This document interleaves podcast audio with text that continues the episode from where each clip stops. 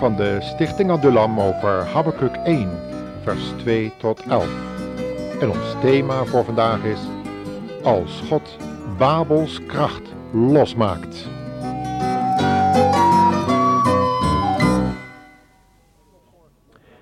In ons vorige programma hebben wij laten zien dat koning Hiskia gebruik maakte van de mogelijkheid om Gods beslissingen aangaande de tijdsduur van zijn leven op aarde te beïnvloeden door een smeekgebed. Hij leefde in een spannende tijd vol oorlogsdreiging, zodat wij onze eigen situatie enigszins in zijn geschiedenis kunnen herkennen. Toch hebben christenen over het algemeen weinig besef van deze unieke mogelijkheden van het smeekgebed.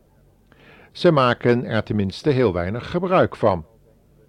Meestal denken we dat Gods openbare raadsbesluiten definitief zijn. En we gedragen ons dan precies hetzelfde als veel Oosterlingen, die gelaten hun lot afwachten, zonder dat daar een keer in kan komen. God wil het, klinkt het dan. Zou het daarom zijn dat juist in die streken veel zaken gewoon onaangepakt blijven? Het christendom kent echter verschillende opwekkingsperioden in de afgelopen 2000 jaar. Die opwekkingen hadden allemaal één ding gemeenschappelijk. Er waren gelovige bidders die hadden ontdekt dat Gods plannen en gedachten veranderd konden worden, of beter gezegd, uitgesteld tot een later tijdstip. Wanneer je maar een sleutel kon vinden die paste op Gods geopenbaarde wil voor het leven van een christen. Het is bijzonder leerzaam om uit de Bijbel te weten te komen wat deze sleutel eigenlijk is.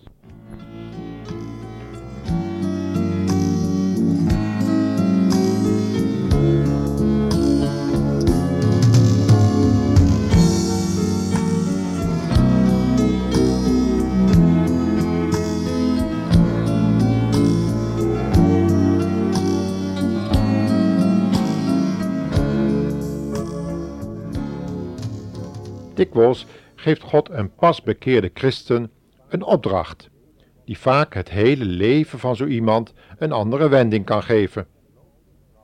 Er is geloofsvertrouwen en bijbelkennis nodig om Gods plannen en gedachten voor je leven te leren kennen en uit te voeren.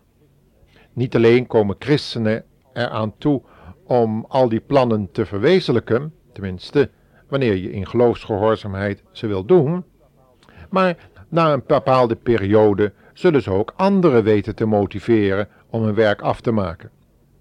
Een voorbeeld is de profeet Elia, die moedeloos zijn werk wilde neerleggen, omdat het naar zijn mening zijn werk niet het beoogde effect had gehad op het volk.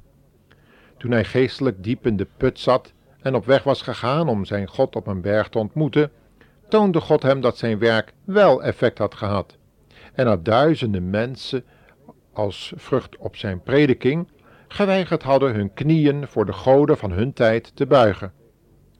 Elia kreeg toen, een sterke bemoediging, opnieuw enkele opdrachten te vervullen, waar hij er slechts enkele van uitgevoerd heeft. Hij mocht ook een helper opleiden die hem later zou kunnen vervangen om zijn werk voort te zetten. Dat is de profeet Elisa geworden, u wel bekend blijkt uit al dit soort voorbeelden dat de bedoelde sleutel waarover God het heeft, als het gaat om de uitvoering van zijn plannen en gedachten, de sleutel van geloof is. En zo is het ook met ons thema voor vandaag, luisteraar. Geloven wij werkelijk als christenen dat God in onze huidige tijd aan het werk is, en in het bijzonder in het Midden-Oosten en Israël? Wanneer wij Gods plannen eenmaal kennen, is het niet meer zo moeilijk om deze ook tot uitvoering te brengen. Wel in de kracht van de Heilige Geest natuurlijk. Laten we daarover eens lezen wat de profeet Habakkuk te vertellen heeft. Here, hoe lang moet ik nog om hulp roepen zonder dat u het hoort, had hij gezegd. En hij riep dat als mond van het hele volk, toen hij zag dat de ondergang van het volk van Juda nabij was. Hij kon twee zaken niet begrijpen. De eerste was waarom God het toestond dat er kwaad aanwezig kon blijven onder zijn eigen volk, zonder dat God ingreep om het weg te doen.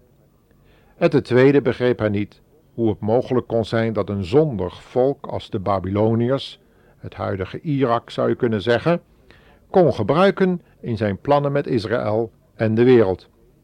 Vandaar dat de profeet zijn klacht vervolgt met de woorden: Help, geweld, roep ik uit. Maar u doet er niets aan. Waarom laat u mij onrechtvaardige toestanden en ellende zien? Waar ik ook kijk, overal heersen er onderdrukking, geweld, ruzie en oneenigheid. De wet verliest haar kracht en de rechtspraak is verziekt, want de goddelozen drijven de rechtvaardigen in het nauw en het recht wordt verdraaid. En dan antwoordt de Heere, kijk eens naar de volken en verbaas u, want ik ga tijdens uw leven iets doen wat u niet zou geloven als het verteld werd. Ik ga een nieuwe wereldmacht ten tonele voeren, de Galdeeën, een vreed, woest volk. Ze trekken de hele wereld door en veroveren andermans woonplaatsen. Ze staan bekend als een schrikwekkend, angstaanjagend volk. Eigenmachtig bepalen ze hun recht en hun roem en hun paarden zijn vlugger dan panters, lopen harder dan een wolf in de schemering. Ruiters komen aan in galop. Ze komen uit verre landen toeschieten als een arend op zijn prooi. Ze komen om geweld te plegen. Hun aanval is als een verzengende oostenwind. Ze verzamelen gevangenen alsof het zand is. Ze drijven de spot met koningen en vorsten en lachen om elke vesting. Want de Galdeeën gooien er gewoon aarde tegenaan. En neem maar in. Als een wervelwind gaan ze verder en verdwijnen uit het gezicht. Maar hun schuld is groot, want zij beweren dat zij hun kracht aan hun goden te danken hebben. Wanneer wij deze profetie beter bekijken, dan komen we onder de indruk van de macht van dit Galdeelse volk. In onze tijd zou je dan aan snelle panzervoertuigen kunnen denken, zeer snelle duikvluchtbommenwerpers, die als arenden zich op hun hoofd storten en hun bommen feilloos plaatsen op het doel, terwijl ze op 15 kilometer hoogte van dat doel verwijderd zijn. Het geweld wat hierbij loskomt doet denken aan een verzengende oostenwind die de vlammen van een geweldige gaswolk kilometers ver voor zich uitwerpt en alles vernietigt en doet sterven wat door deze verzengende gloed getroffen wordt. We zouden kunnen denken aan de benzinebommen die de Amerikanen zeiden te willen gebruiken om de grondtroepen van de Irakezen in zo groot mogelijke getalen te vernietigen. Met de huidige mogelijkheden voor een gas- of benzineoorlog of zelfs een bacterieoorlog doet deze profetie niet zo vreemd meer aan in onze tijd.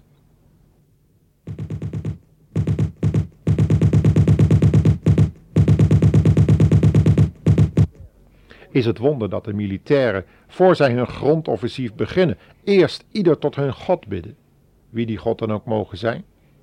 Op het oorlogsveld zien we wat er in de mens huist.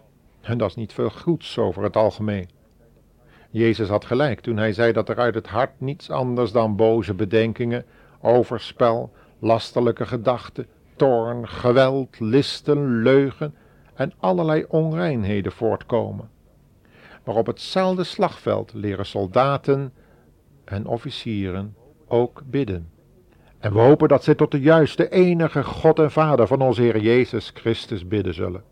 Want deze God laat van zich horen, omdat hij een zoon heeft, die het op het vloekhout van de schande uitgeroepen heeft, Mijn God, mijn God, waarom verlaat u mij? En later, Vader, vergeef het hun, want zij weten niet wat zij doen.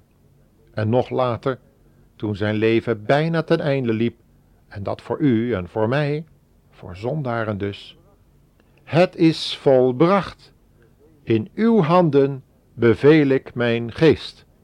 Toen boog Jezus zijn heilige hoofd, beladen met uw en mijn zonden, die bestonden uit gedachten, woorden en daden, en hij stierf voor u, voor mij.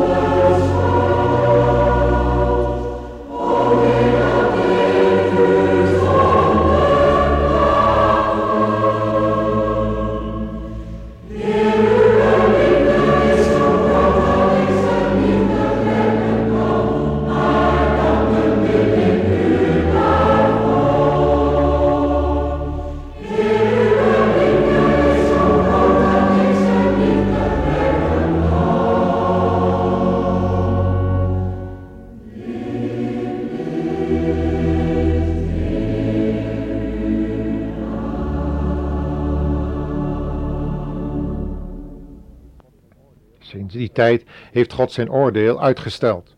Geen 15 jaar, zoals bij Hiskia's ziekte en genezing, maar zo straks al 2000 jaar. Wellicht om u, luisteraar, nog te redden van de vernietigende ondergang van deze wereld. Wij hebben dit oordeel van God wel verdiend, want we hebben niet voldaan aan Gods scheppingsopdracht om de wereld in rechtvaardigheid te bouwen en te bewaren. Kijk maar om u heen. Het helpt niets als we God van ons falen de schuld geven. God zwijgt nog in zijn grote liefde, zondaarsliefde en wacht tot we ons als Hiskia verootmoedigen. Wanneer we dat doen, stelt hij ongetwijfeld en wellicht heel persoonlijk zijn oordeel over de zonde uit, om u een nieuw begin te laten maken. Er zijn kansen te over.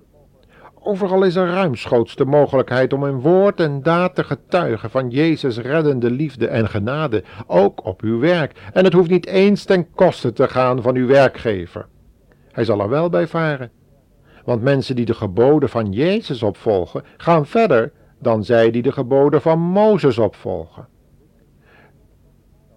Christenen zouden productief kunnen zijn, inventief en praktisch, wanneer zij in navolging van Christus hun arbeid doen. Alleen huigelaars hebben in de kerkgeschiedenis gezorgd voor de negatieve naam die christenen dikwijls hebben. En, helaas, vaak terecht. Maar daar kunt u wat aan doen, luisteraar. Door te bewijzen dat een echte christen zich aan afspraken kan houden. En het tegenovergestelde is van een vrek of luiaard, die de dag doorbrengt met roddelen en lasteren, een dubbel leven leidt en de naam van Christus belastert door zijn of haar gedrag. God is een God van liefde en genade, maar ook van waarheid en gerechtigheid. Iedereen zal dat moeten erkennen. En eens zeker op de grote oordeelsdag, als God de huigelaars in zijn licht stelt en een zwaarder oordeel geeft dan zij die door hun gedrag zich hebben afgewend van de Bijbel. Daarom kan ik niet anders dan ook nu waarschuwen voor dit soort bedrog.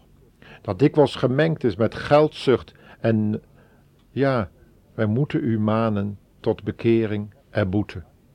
Maar voor mijn oprecht zoekende luisteraar heb ik een bemoediging. God wil u een nieuwe kans tot getuige geven, juist in deze tijd. Houd daarom moed. God hoort het gebed en wil zijn plan met uw leven heel concreet voleindigen, duidelijk maken. God zegen, toegewenst.